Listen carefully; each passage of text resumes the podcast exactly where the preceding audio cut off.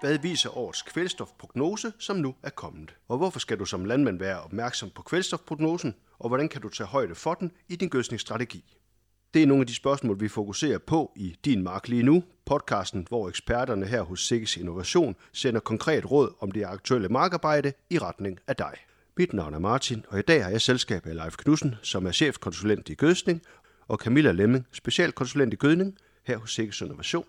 Og velkommen til jer, Leif og Camilla. Og øh, lad os starte med kvælstofprognosen her for 22, og det viser en såkaldt øh, nulprognose, at der ikke skal omfordeles noget. Og øh, hvad er det, at det betyder, Leif? Ja, det er det prognosen den viser i år, at kvælstofbehov det er normalt over hele landet, og derfor skal der ikke ske nogen øh, korrektioner af gødningsplanen af den årsag. Og det kommer vi tilbage til lige om lidt. Hvorfor har vi overhovedet en kvælstofprognose, Leif? Jamen det har vi, fordi vi ved, at øh, kvælstofbehov det varierer mellem øh, de enkelte år systematisk. Så i nogle år der er der øh, stort behov, og i andre år der er der lavere behov. Og øh, hvis man kan forudsige det, så er der jo en gevinst for landmanden ved, at han kan spare noget gødning i de år, hvor behovet det er lavt. Øh, han får så en merudgift øh, til gødning i de år, hvor behovet det er højt, men så får han også et ekstra udbytte. Samtidig så er det også godt for miljøet, fordi uh, hvis behovet det er lavt, og man ikke tager hensyn til det, men bare giver det samme, som man plejer, så vil en relativt større del af det udvask af kvælstof, man giver, af det sidste kvælstof, man giver, udvaskes.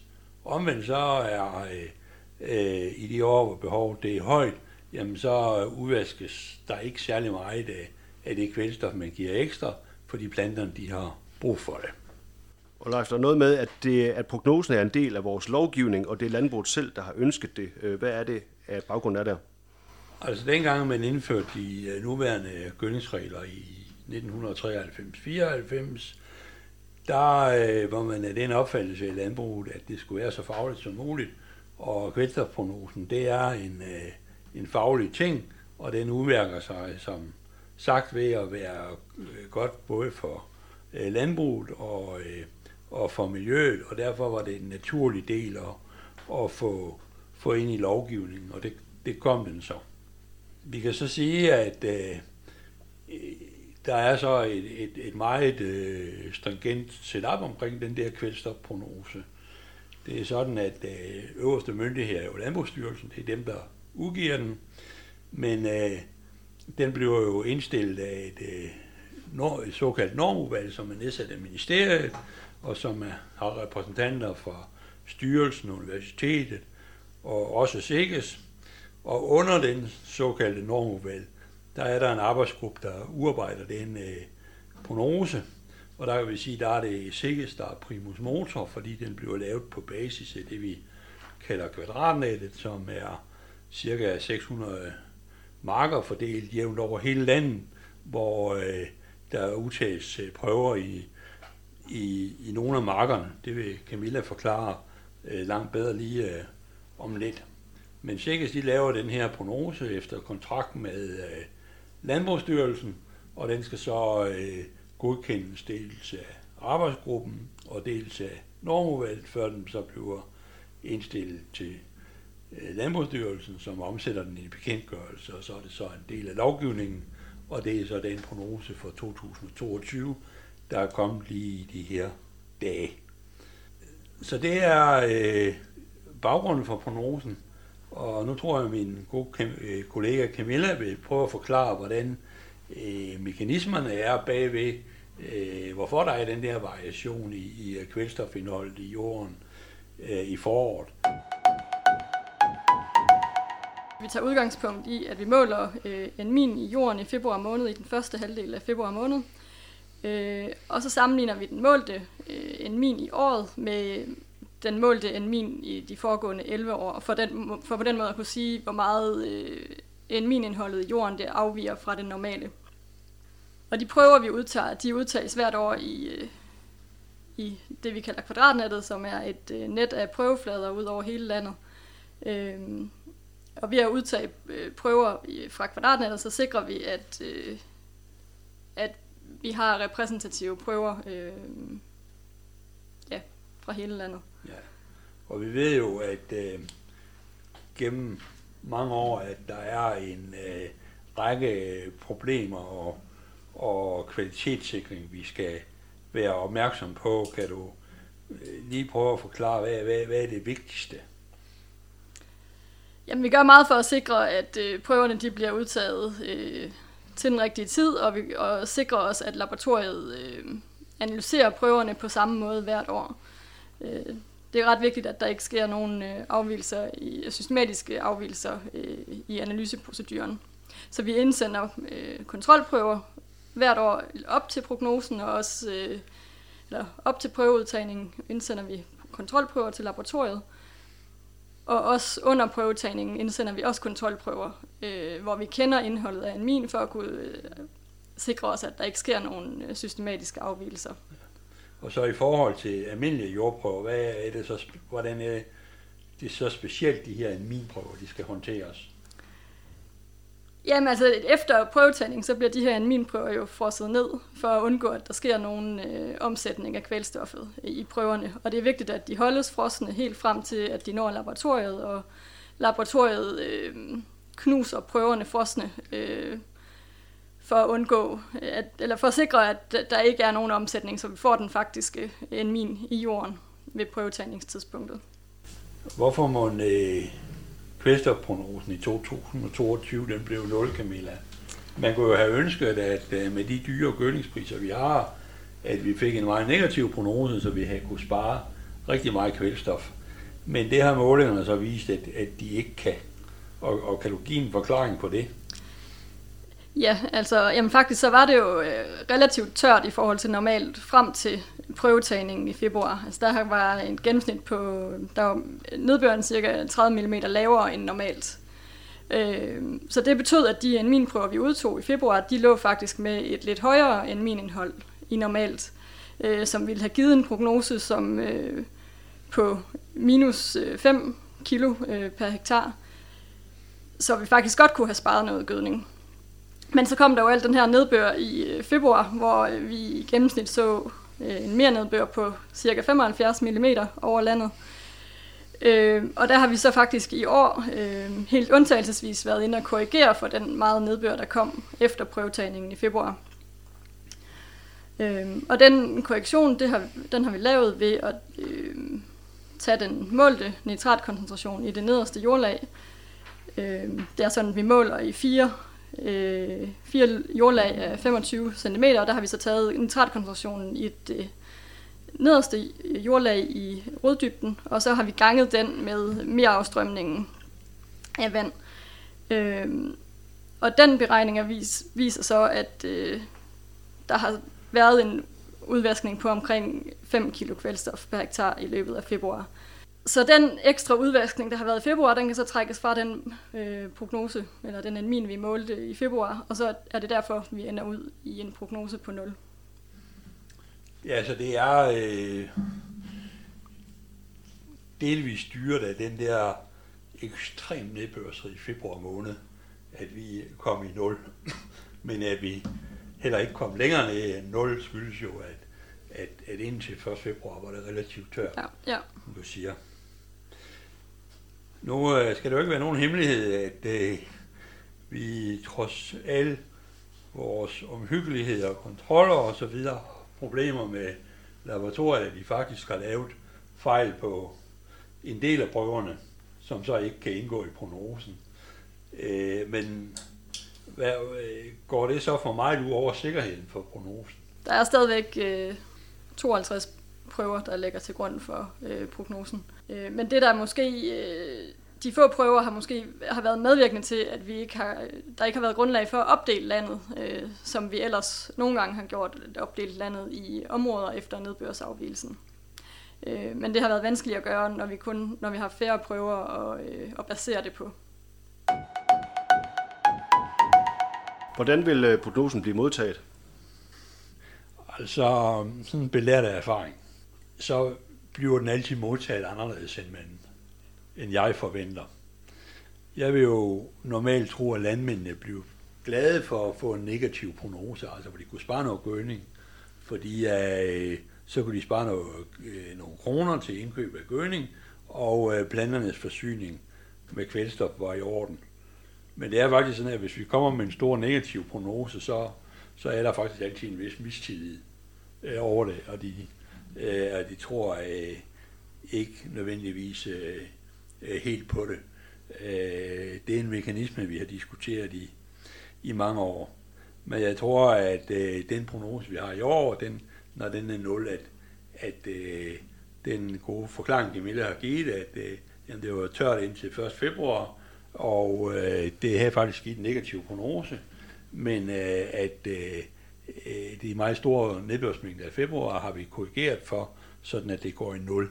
Det tror jeg, det vil øh, være ret forståeligt for, for de fleste landmænd.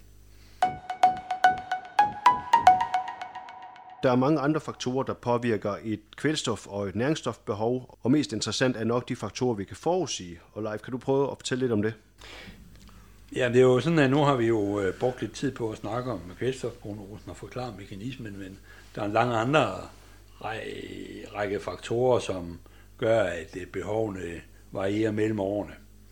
Og noget af det, som vi, vi kan agere på, det er jo faktisk, at øh, vi, øh, at der er forskel på, hvor godt øh, efterafgrøder, eller øh, ja, efterafgrøder, men også vinterafgrøder, de er, de er etableret. Alt andet, vil det være, alt andet lige vil det være sådan, at øh, jo kraftigere vintersæsmarkerne er, inklusive vinterraps, jo lavere er behovet. Og øh, det kan vi jo i dag måle for satellit. Øh, satellitmålinger giver ud hvor det kan vi beregne kvælstofoptagelsen. Og vi kan så se, at øh, i efteråret 21 at vintersæds og vinterramsmarkerne, de var meget kraftige, og det hører faktisk til de kraftigste, der er målt i de 5-6 år, vi har målt øh, afgrøderne. Og kraftigere marker, det, det øh, tyder på en god overvikling og en god optagelse af næringsstoffer for jorden. I vinterraps øh, har vi jo analyseret en hel del på det, og øh, der vil der i øh, mange marker med et højt øh, NDRE eller biomasseindeks øh, være mulighed for at spare betydeligt mere end 10 kg kvælstof per hektar. Og der er jo øh, på landmænd.dk udgivet kort, hvor den enkelte landmand kan se, hvad øh, NDRE er i, øh, i hans egen mark. Og i Crop der kan man i øvrigt se, at øh, hvad biomasseindekset er i, i hver sin marker. Øh, jeg vil sige, at det er vigtigt at få indregnet den rigtige eftervirkning i den efterfølgende vorsæsafgrøde. Og øh, det skal man gøre mere differentieret ved blot at indregne de 17 og 25 kg kvælstof per hektar, som står i lovgivningen. De 17 og 25 kg kvælstof, der står i lovgivningen, det er jo eftervirkning over flere år. Eftervirkningen vil så være afhængig af, hvor meget kvælstof, der er optaget i, øh, øh efter, i efteråret i efterafgrøden, hvornår de pløjes om, og jordtyper, vinternedbør. Og øh, der kan vi sige, der har vi et system i vores skyndsplanprogram Mark Online, som beregner optagelsen i efterafgrøden nu for satellitmåling, og øh, en eftervirkning, øh, der går på, hvad det er for en type efterafgrøder, og en, øh, øh, øh, hvornår de pløjes ned, og så videre. Vi har også i år foretaget nogle en milmålinger i marker, hvor der var efterafgrøder i efteråret, parallelt med de prøver, vi har lavet til prognosen. Og øh, de øh, en og tyder på, at eftervirkningen ligger på et nogenlunde øh, normalt niveau, varierende vel fra 5 kilo øh, på, på lærjord op til 20-25 kilo på, på sandjord, men meget afhængig af, hvordan efterafgrøden har været udviklet. Så vil jeg sige, at hvis man ikke har pløjet efterafgrøden om endnu, og den står og optager kvælstof derude, det vil specielt sige, øh, hvis det er græs, efterafgrøder, øh, kan også være nogle korsblomster, der er godt overlevet, jamen så kan de stå og optage kvælstof nu, og så kan de konkurrere med vores der følger bagefter, og så kan eftervirkningen i virkeligheden blive øh, negativ. Og Leif, der findes andre næringsstoffer i jorden, vi skal være opmærksom på, øh, svovl og kalium og bor. Og har du et bud på, hvordan de mængder vil ligge i år? Vi måler i kvælstofprognosen, måler vi kun på kvælstof. Men øh, der er jo andre næringsstoffer, der er opløselige i vand, og dermed følger øh, øh, udvaskningsmæssigt følger øh, vinternedbøren og nitratkvælstof, for det gælder jo helt specielt svovl. Øh, sulfatsvovl minder meget kemisk om, om nitrat. Så når kvælstofbehovet ifølge prognosen den er normal, så vil vi også antage, at svovlbehovet det er normalt. Kalium kan udvaskes, hvis øh, vinternedbøren er meget høj. Det har jo ikke været tilfældet, og derfor så tror vi ikke, at vi skal korrigere øh, kaliumbehovet og heller ikke øh, borbehovet, øh, specielt for i år. Leif, prognosen her, vi taler om, det er jo landsgennemsnit. Og hvis man som landmand gerne vil vide noget om, hvad der er i jorden, lige præcis på ens mark, og, og hvad behovene er, hvad er det så, man kan gøre? Alt det, vi taler om her, det er jo gennemsnitstal for hele, øh, for alle marker. Øh, man kan sige, hvis man virkelig var interesseret i at bestemme kvælstofbehov mere nøjagtigt, øh, med, så kan man jo tage en minprøver i den enkelte øh, mark, man kan også følge med i afgrødernes øh, næringsstoftilstand ved, ved planteanalyser, og helt specielt for kvælstof, jamen så øh, kan vi også anvende satellitfoto til at se på, hvad kvælstofbehovet er. Der kommer jo et nyt værktøj i Crop Manager, der kan give konkrete anbefalinger i vinterved. Og Leif, så her til sidst har vi et vigtigt emne, som du har taget med. Det er noget med prisrelationer, og hvad de her ekstremt høje priser på korn og kvælstof lige nu har af betydning for den enkelte landmand. Det er måske det, der kommer til at påvirke behovet mest i år. Og det er jo klart, at et prisforhold mellem korn og kvælstof, det betyder noget for, hvor meget det er økonomisk rentabelt at, at tilføre. Faktisk så kan det udtrykkes i det, vi kalder bytteforholdet, det vil sige, hvor mange kilo korn skal vi avle for øh, at betale et kilo kvælstof. Det vil sige kvælstofprisen divideret med kornprisen per kilo. De normer, vi har i dag, altså de vejledninger, vi har, de har jo været baseret på historisk på en kornpris på 118 kroner og en kvælstofpris på 7 kroner 36 per kilo. Og det betyder, at vi skal jo avle 6,4 kilo korn for at betale 1 kilo kvælstof. Og det er det, normerne er bestemt af. Men de priser, de er jo helt urealistiske i dag. Hvis vi for eksempel øh, forestiller os, at øh, man har købt kvælstof til 16 kroner, så skal kornprisen faktisk være 250 kroner per hektokilo for at få samme bytteforhold som i normerne. Hvis det så er tilfældet, så skal man gøske efter normerne. Men har man købt øh, kvælstof øh, til de 16 kroner, men allerede solgt korn for et stykke tid siden til 180 kroner per hektokilo, ja, så skal der næsten 9 kilo korn til at betale for 1 kilo kvælstof. I så fald så reduceres den optimale kvælstofmængde faktisk øh, til godt 20, med godt 20 kilo per, per hektar i forhold til normerne. Og det kan sagtens være tilfældet for mange. Og der vil det være uøkonomisk at, at bruge hele normen. Der bør man øh, lave den der korrektion. Så hver gang der skal 1 kilo korn mere til at betale for 1 kilo kvælstof, så ændres kvælstofbehovet med cirka 5 kilo kvælstof per hektar. Det bør man faktisk regne på på den enkelte ejendom, fordi det kan der være en del øh, økonomi i. Men man kan så spørge sig selv om, hvis man er svineproducent i dag, og forventer til høst, at man som i dag kan risikere at komme til at betale 300 kroner for per hektokilo for indkøbt vinterved, hvad, hvad, hvad, hvordan skal man så gå ud? Ja, så kan man sige, at hvis, hvis kvælstofprisen den er 16 kroner per kilo ind, så skal, så skal man kun afle 5,3 kilo korn for at betale 1 kilo kvælstof. Og da bytteforholdet ved normerne er beregnet til 6,4 kg korn, så skal han faktisk øge kvælstoftildelingen med 5 kg kvælstof i forhold til normerne. En øgning af kvælstof uover normer, det kræver selvfølgelig, men øh, har andre steder, man kan tage den kvælstof fra, øh, fra for ikke at overskride normerne. Så udover kvælstofprognosen og, og alt det værlige, jamen så spiller prisrelationerne faktisk i år nok den største rolle for, hvordan man skal disponere sin øh, øh, gøstning og sine mængder. Og det kan altså være temmelig individuelt for ejendom til ejendom, og derfor så skulle man nok lige ofre lidt tid på at, at regne på det. Og kan landmanden altid regne den selv, eller skal han have hjælp til at have det rådgiver eller, eller lignende? Altså langt ind ad vejen, så, så kan man øh, regne den selv ud fra øh, øh, det, der er skrevet om det i, uh, i, uh, i fagpressen. Øh, mere indviklet er det sådan set ikke. Man skal huske, at, at det er sådan set prisen på de sidste kilo kvælstof og de sidste kilo korn, der afgør, hvad han skal gøre. Det er det marginal betragtning, der er afgørende. Vil du nævne forskellige forhold her? Hvor vil din egen smertetærskel ligge hen? Jamen, jeg ved ikke, om jeg vil sige, at jeg har en egen øh, smertetærskel. Altså, øh, gødning, det skal man give. Øh, man kan slet ikke forestille sig, at man kommer i en situation, hvor, øh, hvor, øh, hvor man ikke skulle give noget kvælstof.